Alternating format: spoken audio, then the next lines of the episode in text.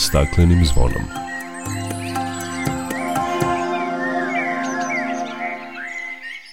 Dobar dan, dobrodošli na Zeleni talas prvog programa radija Radio Televizije Vojvodine. Ja sam Dragana Ratković. U Vojvodini jedan od najvećih problema u zaštiti životne sredine je upravljanje komunalnim otpadom. Čućete šta je o tome rečeno na konferenciji koja je održana u Novom Sadu. Govorit ćemo i o projektu Evropska unija za bolju životnu sredinu, čiji je jedan od glavnih ciljeva izrada programa za zaštitu vazduha s akcionim planom.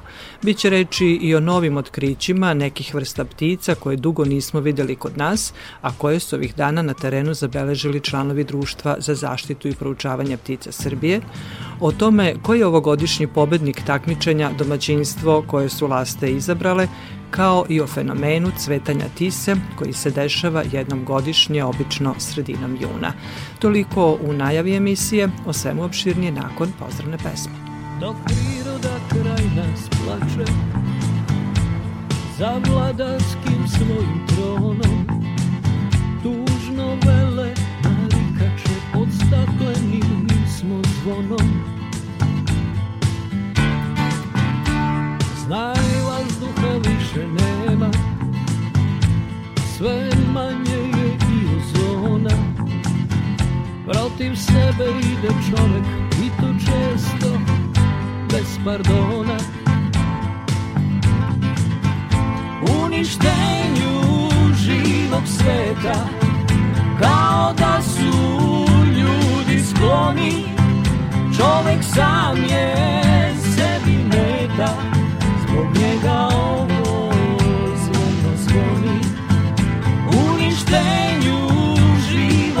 sveta Kao da su ljudi skloni. Čovek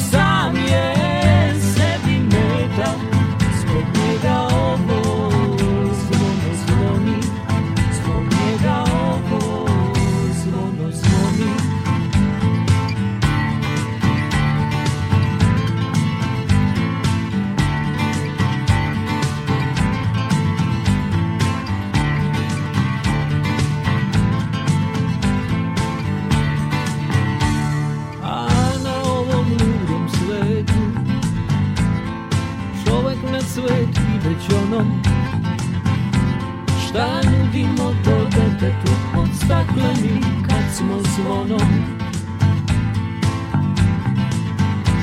Uništenju živog sveta Kao da su ljudi skloni.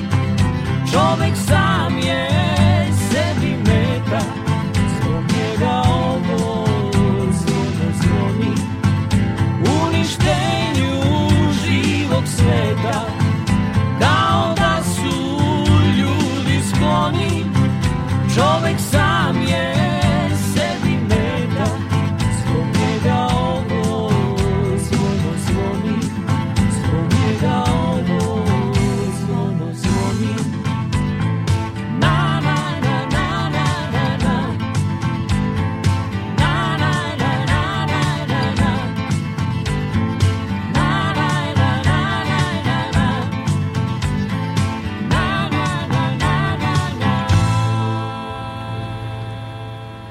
Ministarka zaštite životne sredine Irena Vujović pozvala je gradove i opštine koje imaju problem s divljim deponijama na svojoj teritoriji da iskoriste priliku i prijave projekte kako bi dobili podršku države.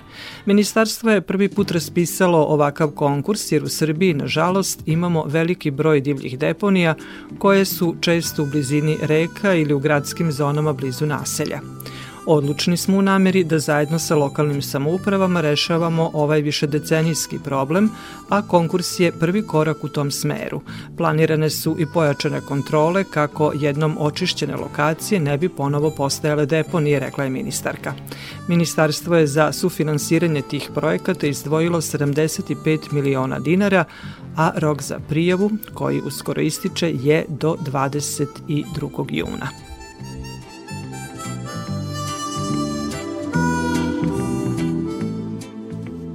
Sanacija deponije Stanjevine u Prijepolju na putu ka Crnoj Gori je u završnoj fazi. Više o tome Katarina Radulović. Decenijama je deponija Stanjevine na samom ulasku u Prijepolje bila ruglo zapadne Srbije, međutim ovo smetlište uskoro će biti ružna prošlost, jer su radovi na sanaciji i rekultivaciji zemljišta pri kraju.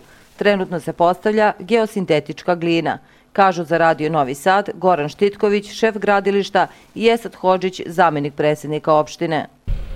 Na celoj površini Kosine do Nožice ka magistralnom putu e, dnevno postavljamo po 400 kvadrata, jer su to neki uslovi koji su neophodni.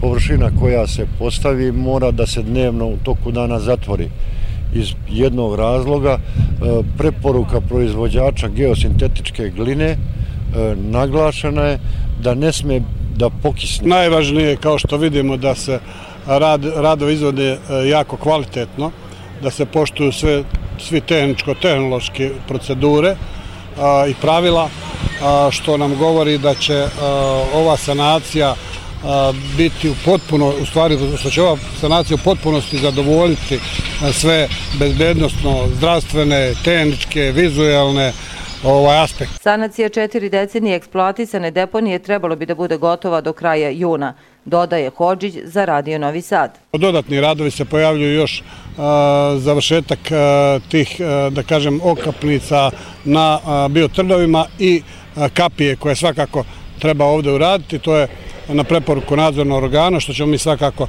i prihvatiti. U okviru ove dogovorene cijene će to ovaj, sve biti. Vrednost radova na deponi Stanjevine koju finansira opština Prijepolje iznosi 38 miliona dinara.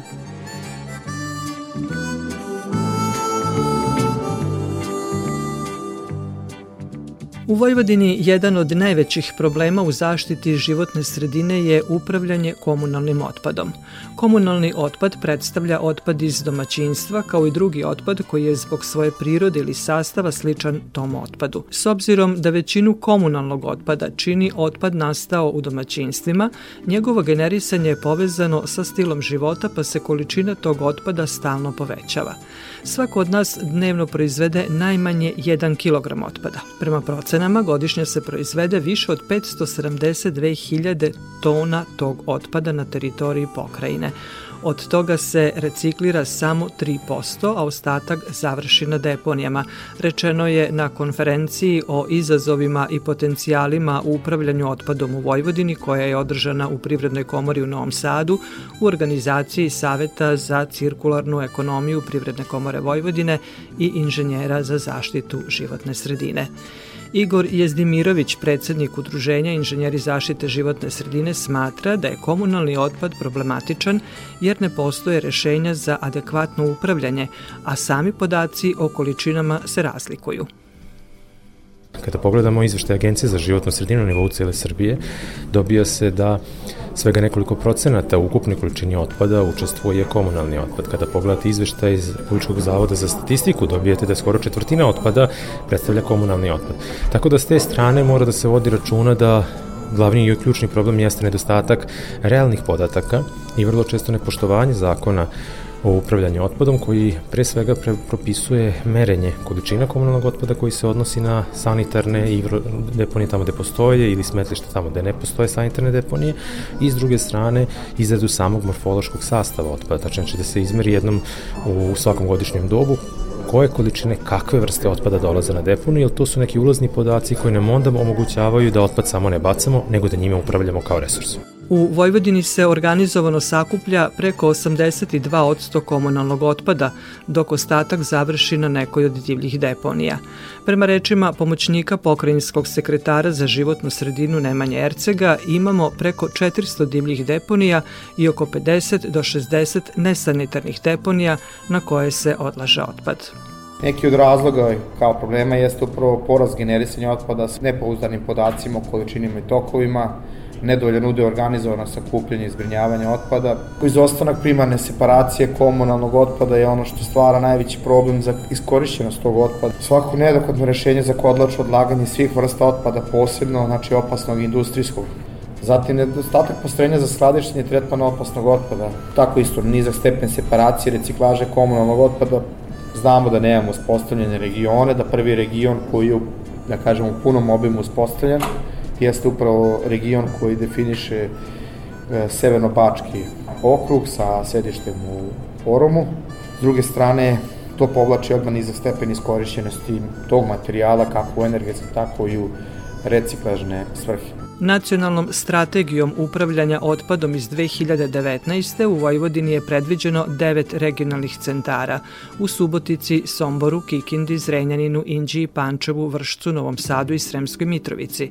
Trenutno imamo četiri sanitarne deponije i to Kikinda, Pančevo, Sremska Mitrovica i Subotica sa potrebnim linijama za separaciju komunalnog otpada na deponiji što otvara mogućnosti iskorišćenja onog odvojenog otpada za ponovnu upotrebu i za korišćenje materijalnih energetskih potencijala. Sanitarna deponija Pančevo je predviđena da bude regionalni centar za Južni Banat. Trenutno deponija obuhvata grad Pančevo i naseljena mesta Starčevo i Dolovo sa 33.000 korisnika, kaže direktor javno-komunalnog preduzeća Higijena Miša Marković. Za sada na regionalnu deponiju samo odnosi se komunalni, čusti komunalni otpad iz grada Pančeva i svih devet naseljenih mjesta grada Pančeva. Imali smo problema, stvorila je Kojinska deponija, pa je i opština Kojin počela da deponuje čusti komunalni otpad na našu deponiju. Što se tiče grada Pančeva imamo deponiju staru, takozvanu deponiju koja je sad trenutno se radi projekat zatvaranja i sad taj komunalni otpad sa stare deponije će biti prebačen u narednom periodu kad se završi taj projekat na sanitarnu deponiju na Dolovačkom putu koja je 15 km od grada Pančeva. Da bi zaokružili ceo sistem što se tiče čvrstog komunalnog otpada, predviđeno je i da se uradi postrojenje za preradu čvrstog e, komunalnog otpada, da bi sve što možemo da preradimo, da bi što manje tog komunalnog otpada završilo na deponiji. Prema rečima pomoćnika direktora regionalne deponije javnokomunalnog preduzeća Srem Mačva u Sremskoj Mitrovici, Nenada Tomića, regionalni centar za upravljanje otpadom Srem Mačva planiran je za 400.000 stanovnika.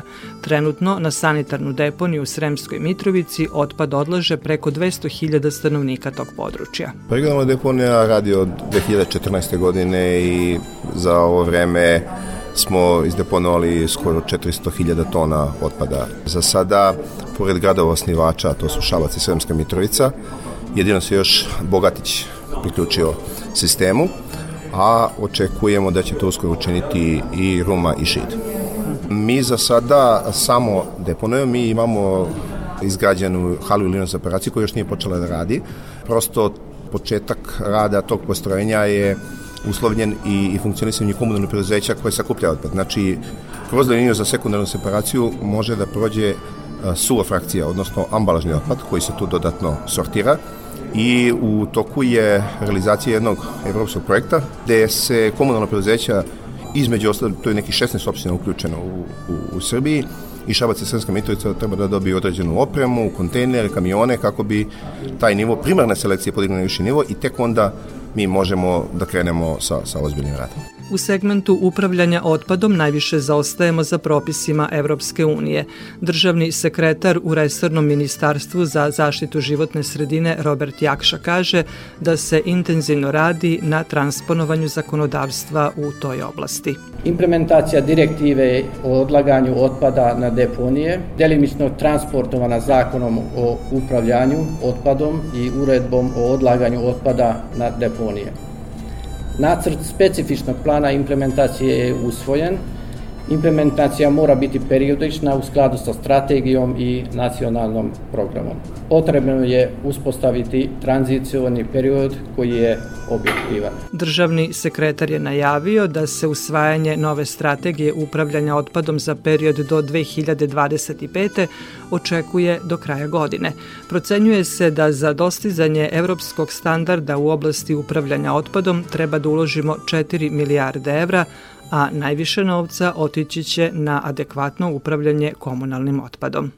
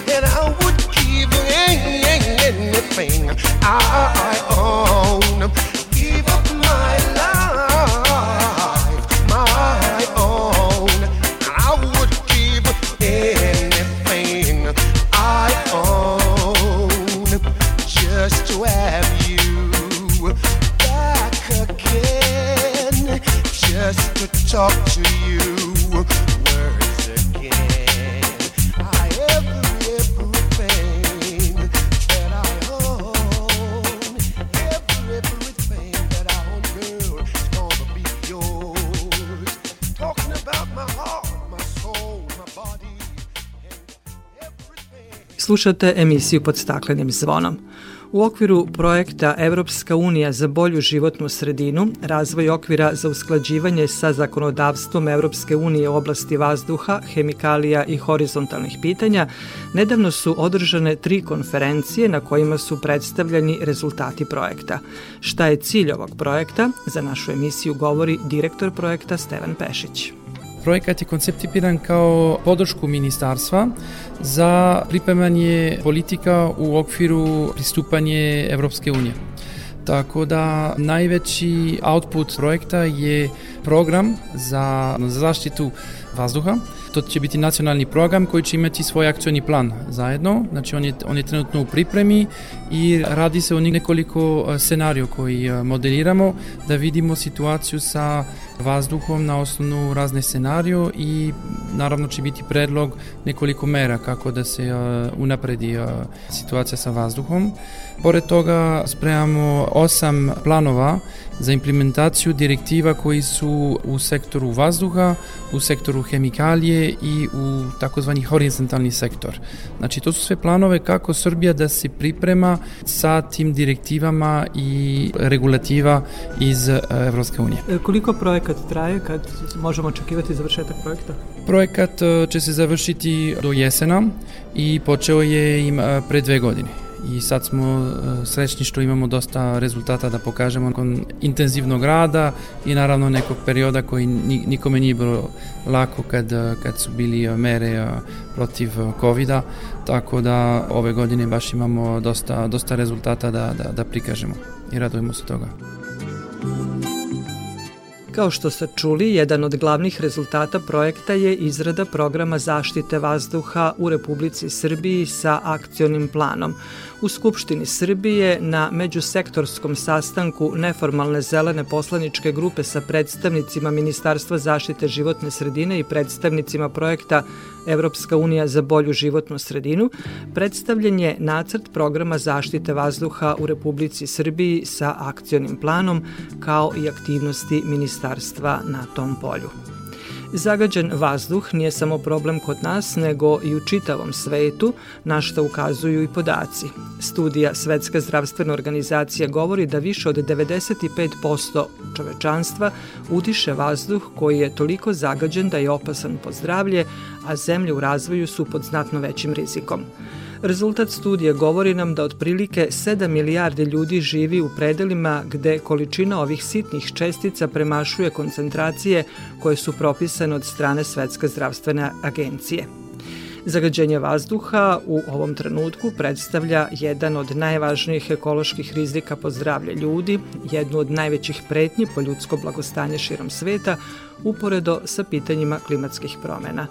Broj umrlih u svetu zbog loše kvaliteta vazduha ide i do 7, a neki podaci kažu i 9 miliona ljudi godišnje, zbog čega mnogi zagađenje vazduha nazivaju pandemijom koja traje.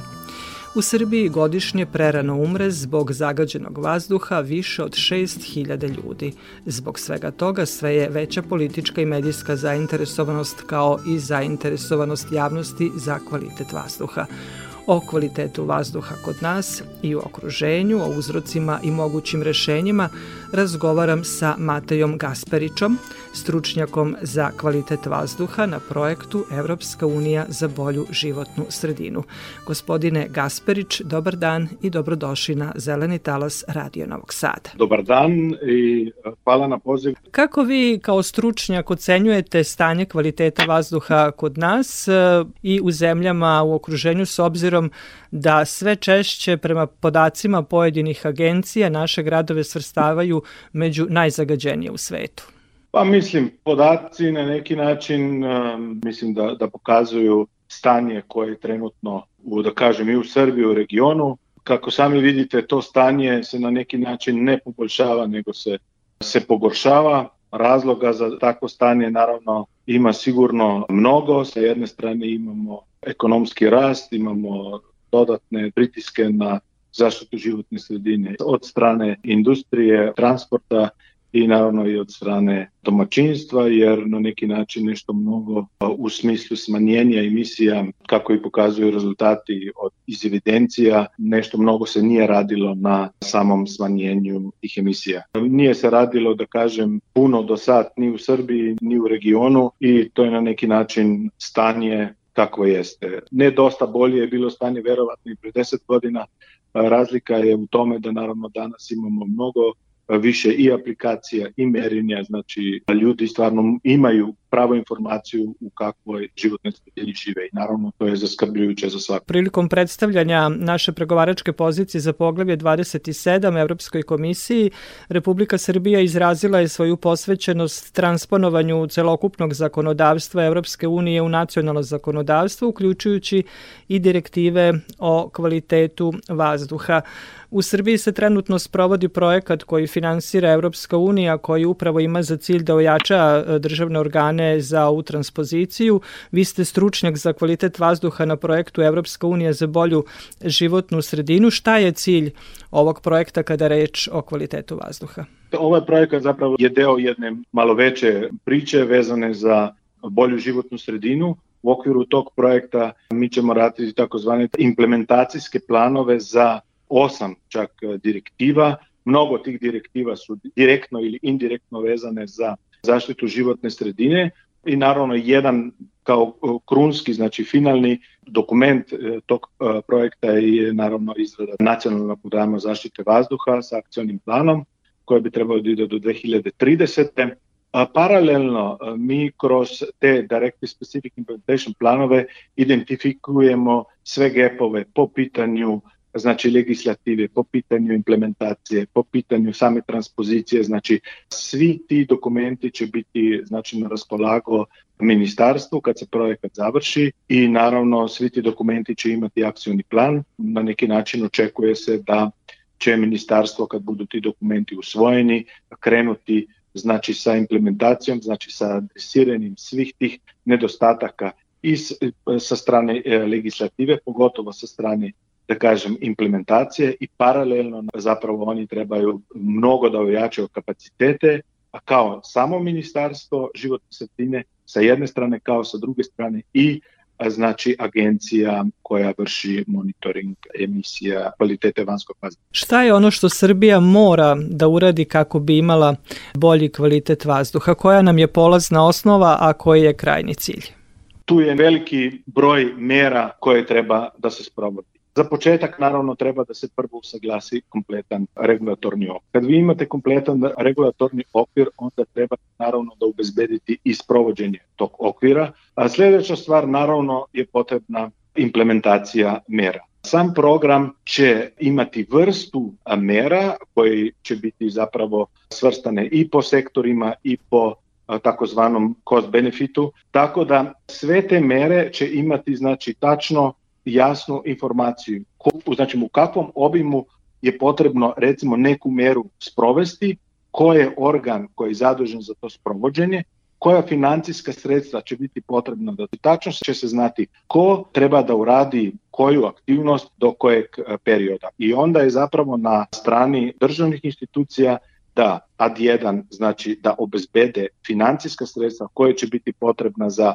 podsticaje za da bi ljudi znači krenuli za da da, da sprovodu mere i naravno da obezbedi e, da ima i ministarstvo i sve stru, kompletna struktura da ima adekvatan administrativni kapacitet da će moći da pomože recimo lokalnim zajednicama u pripremi njihovih uh, air quality planova ili short term action plana. Znači, kompletan taj sistem treba da se digne na jedan potpuno drugi nivo i kad se to će da se desi, znači to je za početak, onda će to u procesu koji će trajati sigurno od 5 godina, recimo do 10 godina, ako dam recimo samo za primjer u Sloveniji, nama je trebalo kad smo krenuli prilike 10 godina da dođemo na kvalitet vazduha koji je, da kažem sada, je u skladu sa onim što se očekuje za ako ste članica EU-a. Na početku smo rekli da postoje razni uzroci zagađenja vazduha, tu je određen broj crnih tačaka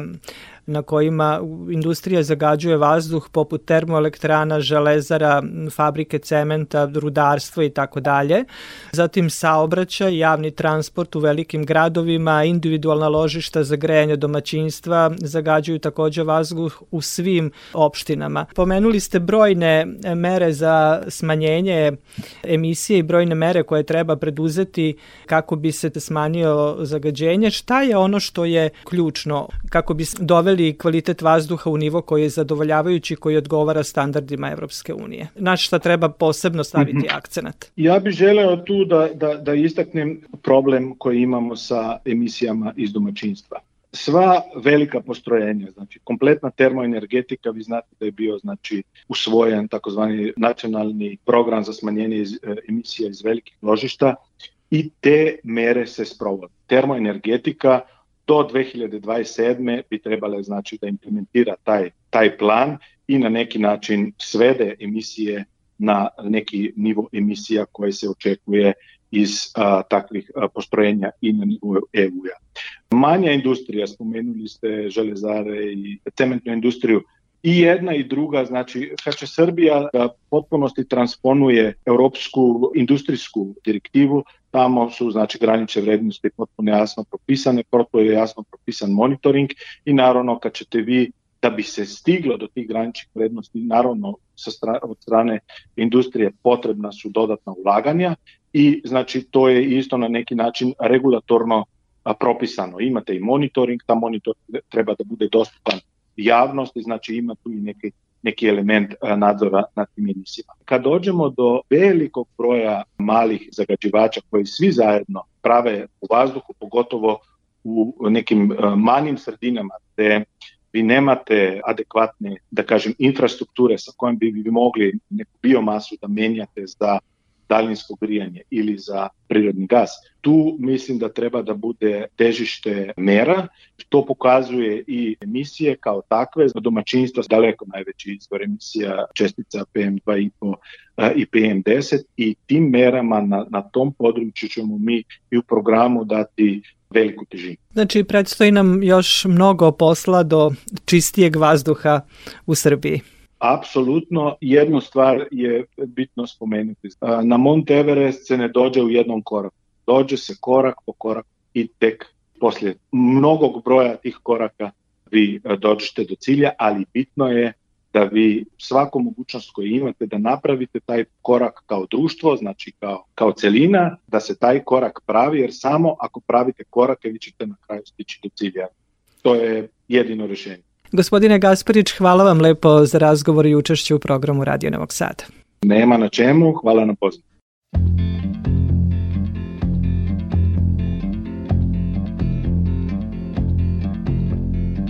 Miles in Budapest, my, my hidden treasure chest. Golden grand piano, my beauty focus EOU. Ooh, you, ooh, I'd leave it all. My acres of land I've achieved. It may be hard for you to stop and believe, but for you, ooh, you, ooh, I'd leave it all. Ooh, for you, ooh, you, ooh, I'd leave it all. And give me one good reason why I should never make a change.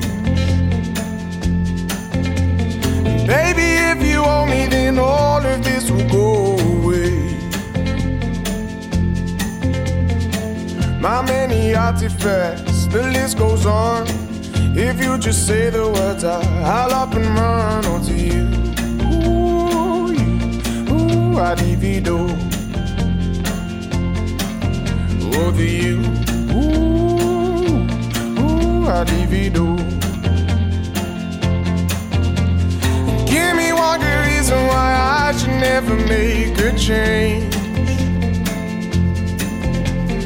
Baby, if you owe me, then all of this will go away. Give me one good reason why I should never make a change. Baby, if you owe me, then all of this will go away.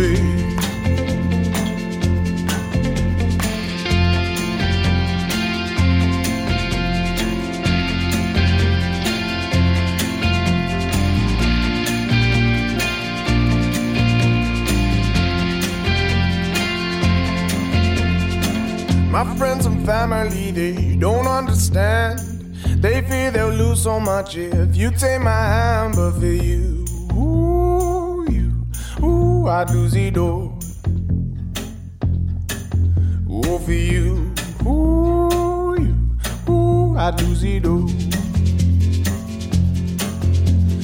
Give me one good reason why I should never make a change.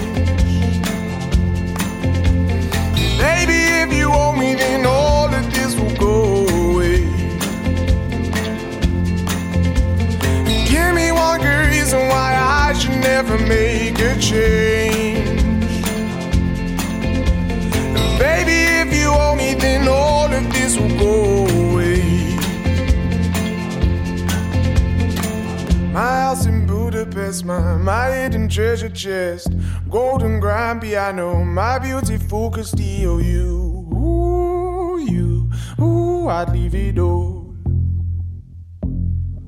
Ooh, for you, ooh, you, ooh, I'd leave it all. Slušate emisiju pod staklenim zvonom. Ovih dana stižu nam lepe vesti iz Društva za zaštitu i proučavanje ptica Srbije. Najpre je objavljena vest da se nakon 120 godina morski galeb ponovo gnezdi u Srbiji, a zatim da je u okolini Šida prvi put snimljen beli mišar. Sve to je zabeležio na terenu moj sagovornik Marko Šćiban iz Društva za zaštitu i proučavanje ptica Srbije.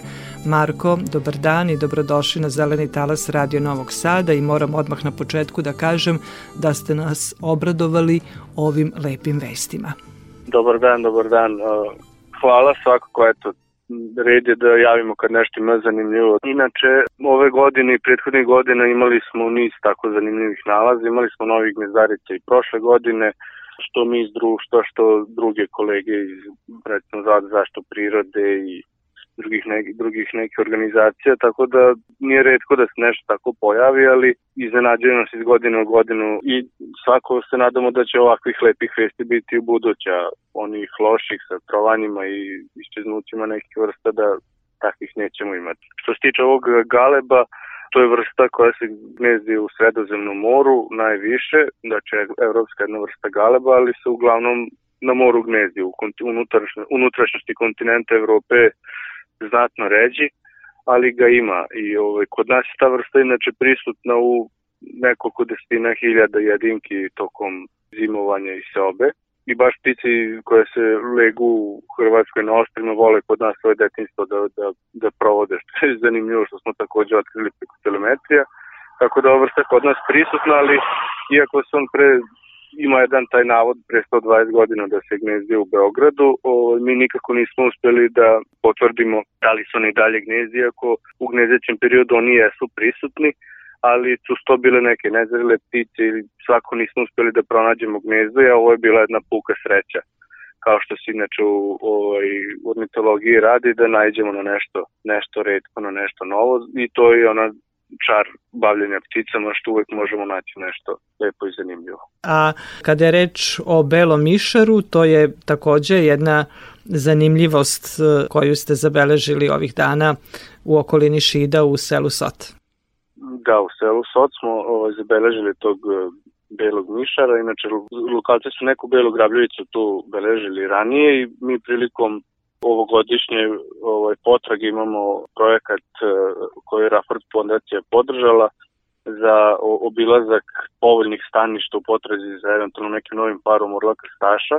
I na tim terenima mi beležimo sve grabljevice. I bukvalno smo imali treće tokom višečasovnog posmatranja oko, u okolini sela Soc smo uspeli da najđemo i na tog belog mišara o kom meštani pričaju već par godina tako da smo se zaista uverili da ima nešto tako lepo i, i, i zanimljivo na tom području i eto, to je opet nešto što, što je lepo da javno zna da ima kod nas i svakako jedan od, od opet, da kažemo, razloga zašto je lepo obilaziti našu zemlju, zato što svašta može da se vidi, mnogi delovi su vrlo redko posećivani kao recimo baš taj sam zapad Fruške gore i svakako da je u skladu sa obilaskom tih e, udaljenih područja važno i čuvati prirodu kako bi imali zaista nešto i da vidimo, nešto da pokažemo inostranim turistima, nama i da svakako uživamo u prirodi. Stalno su neke akcije i praktično stalno ima nekih zanimljivih otkrića, jer ptice nam stalno, stalno neke prolaze i stalno ima nekih zanimljivih stvari. Marko, hvala vam lepo za razgovor i učešću u programu Radio Novog Sada. Hvala vama, prijetno.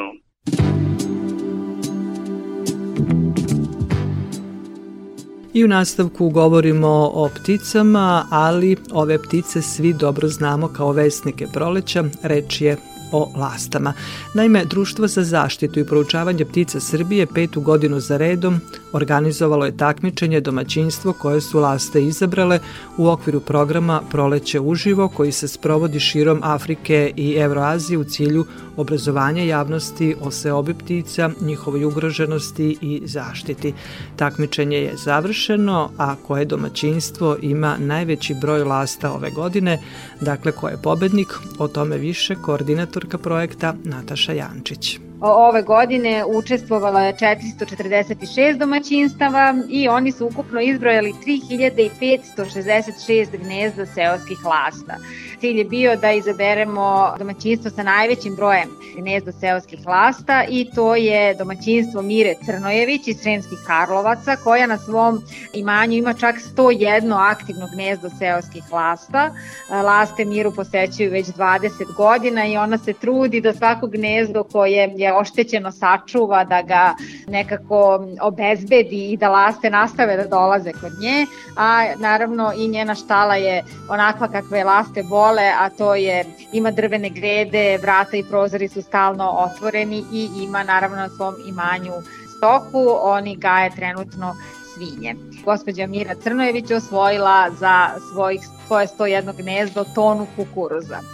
Što se tiče e, druge nagrade, mi smo želeli da damo priliku i ljudima koji imaju jedno, dva ili pet gnezda da učestvuju u srećnom izvlačenju srećnog gnezda i izvukli smo e, jednog dobitnika koji se zove Živorad Marinković iz starog sela kod Velike plane. On na svom imanju ima samo jedno gnezdo seoske laste, ali je osvojio vrednu nagradu, a to je voucher za kupovinu sadnica voća u vrednosti od 12.000 dinara. Ono što je primetno e, je da ove godine ima manje lasta nego prošle, tome vratno pogoduju loše vremenske prilike, a i zamiranje sela i upravo je to e, i cilj našeg takmičenja da ukažemo na važnost očuvanja e, poljoprivrednih domaćinstava koji se na tradicionalni način bave poljoprivredom.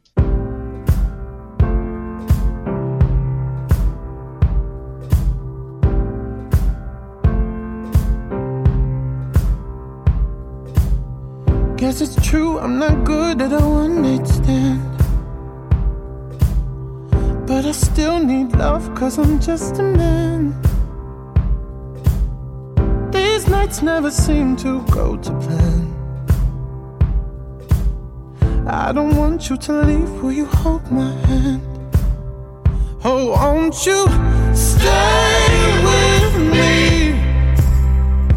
Cause you're all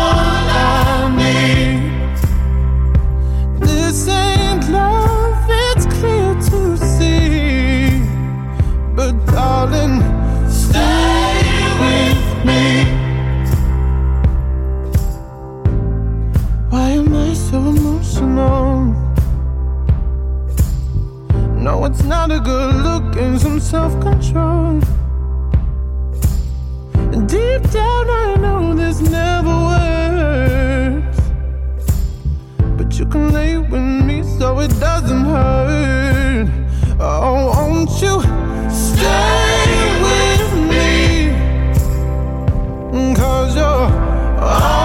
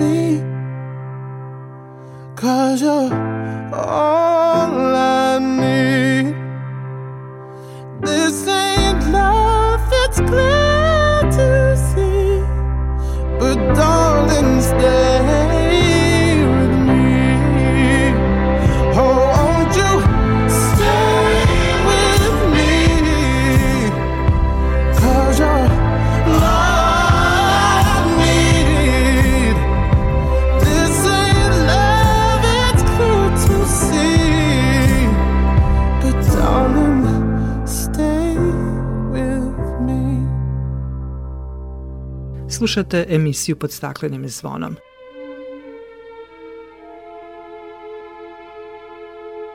Fenomen cvetanja tise dešava se jednom godišnje, obično je to sredinom juna.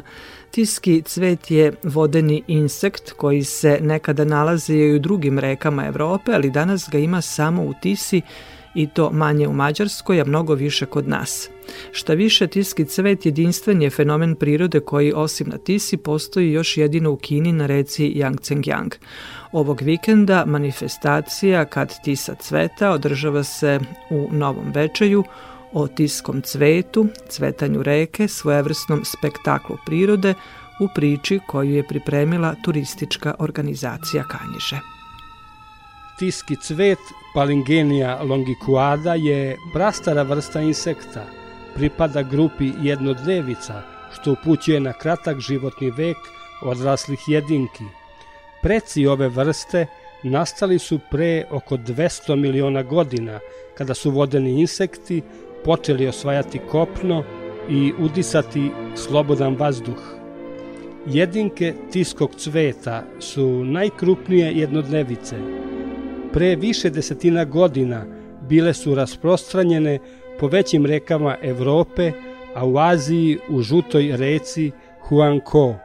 Danas je Tisa skoro jedino utočište ove vrste koja se na donjem toku Tise masovno roji svake godine, obično sredinom juna, uvek u predvečernjim satima. Tada se na deonicama reke sa glinovitim koritom pojavljuju larve na površini vode, iz kojih se za par sekundi izvale nežni, lepršavi, šareni, krilati insekti, koji nakon kratkog sušenja izleću na priobalne biljke, sleću i na čamce, pa čak i na ljude i otpočinju mukotrpno presvlačenje.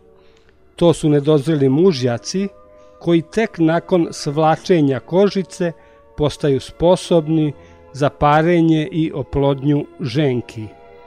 Nešto kasnije se pojavljuju larve ženki, iz kojih se izvaljuju polno zrele krilate jedinke. Nakon toga počinje masovni svadbeni let uz parenje insekata, posle kojeg mužjaci brzo umiru.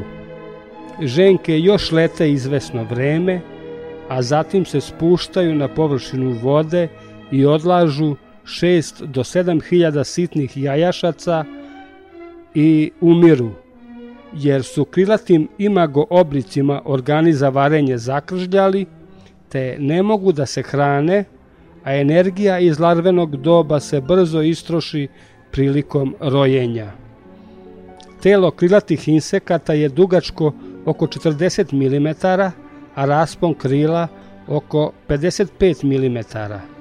U dužinu tela nisu uračunati tanki crbušni nastavci koji su kod subimago mužjaka i ženki u dužini tela, a kod imago mužjaka dva puta duži.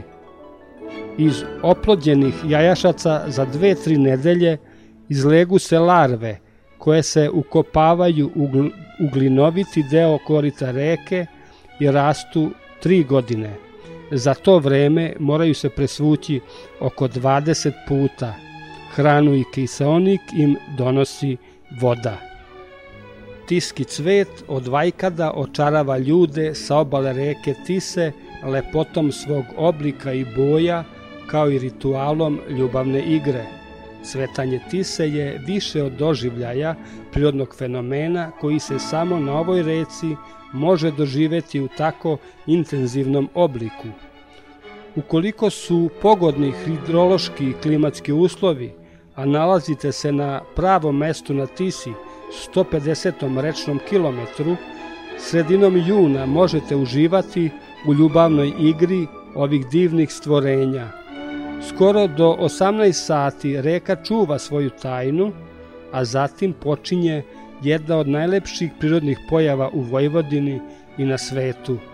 U narednom satu nad površinom reke lete milioni žutih insekata sa sivim krilima zaneseni žarom ljubavi.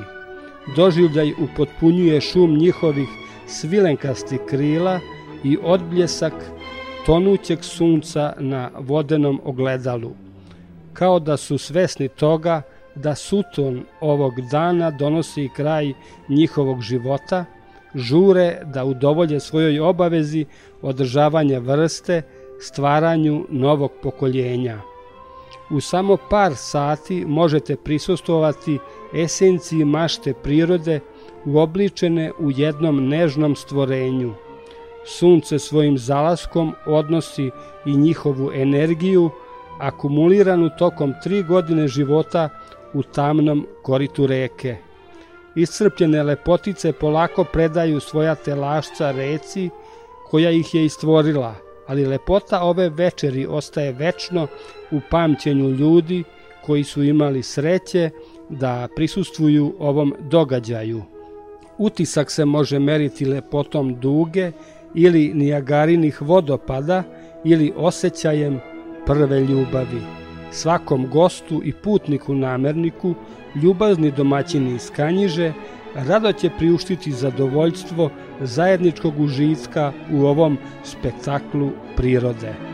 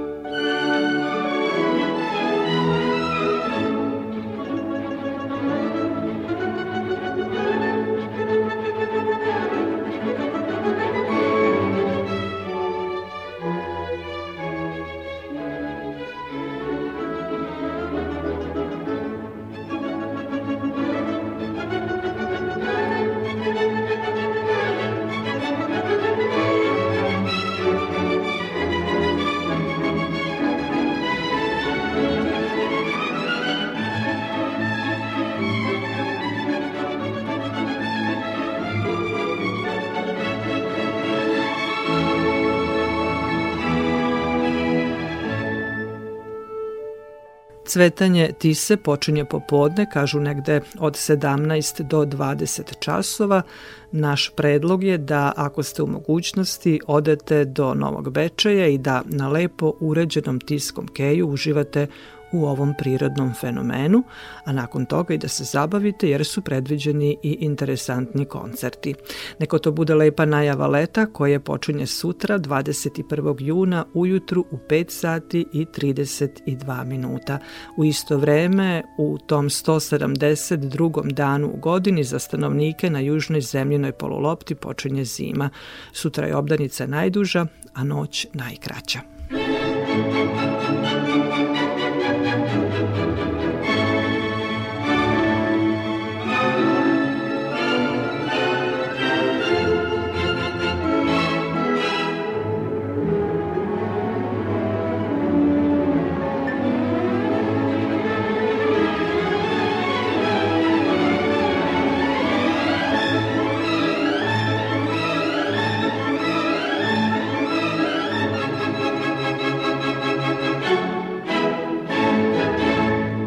Toliko za ovo izdanje emisije pod staklenim zvonom koju možete slušati i odloženo na podcastu Radio Televizije Vojvodine na adresi rtv.rs. Na pažnji vam zahvaljuju Jovan Gajić, Zoran Gajinov i Dragana Ratković. Sledeći susret zakazujemo za sedam dana u isto vreme na zelenom talosu prvog programa radija Radio Televizije Vojvodine.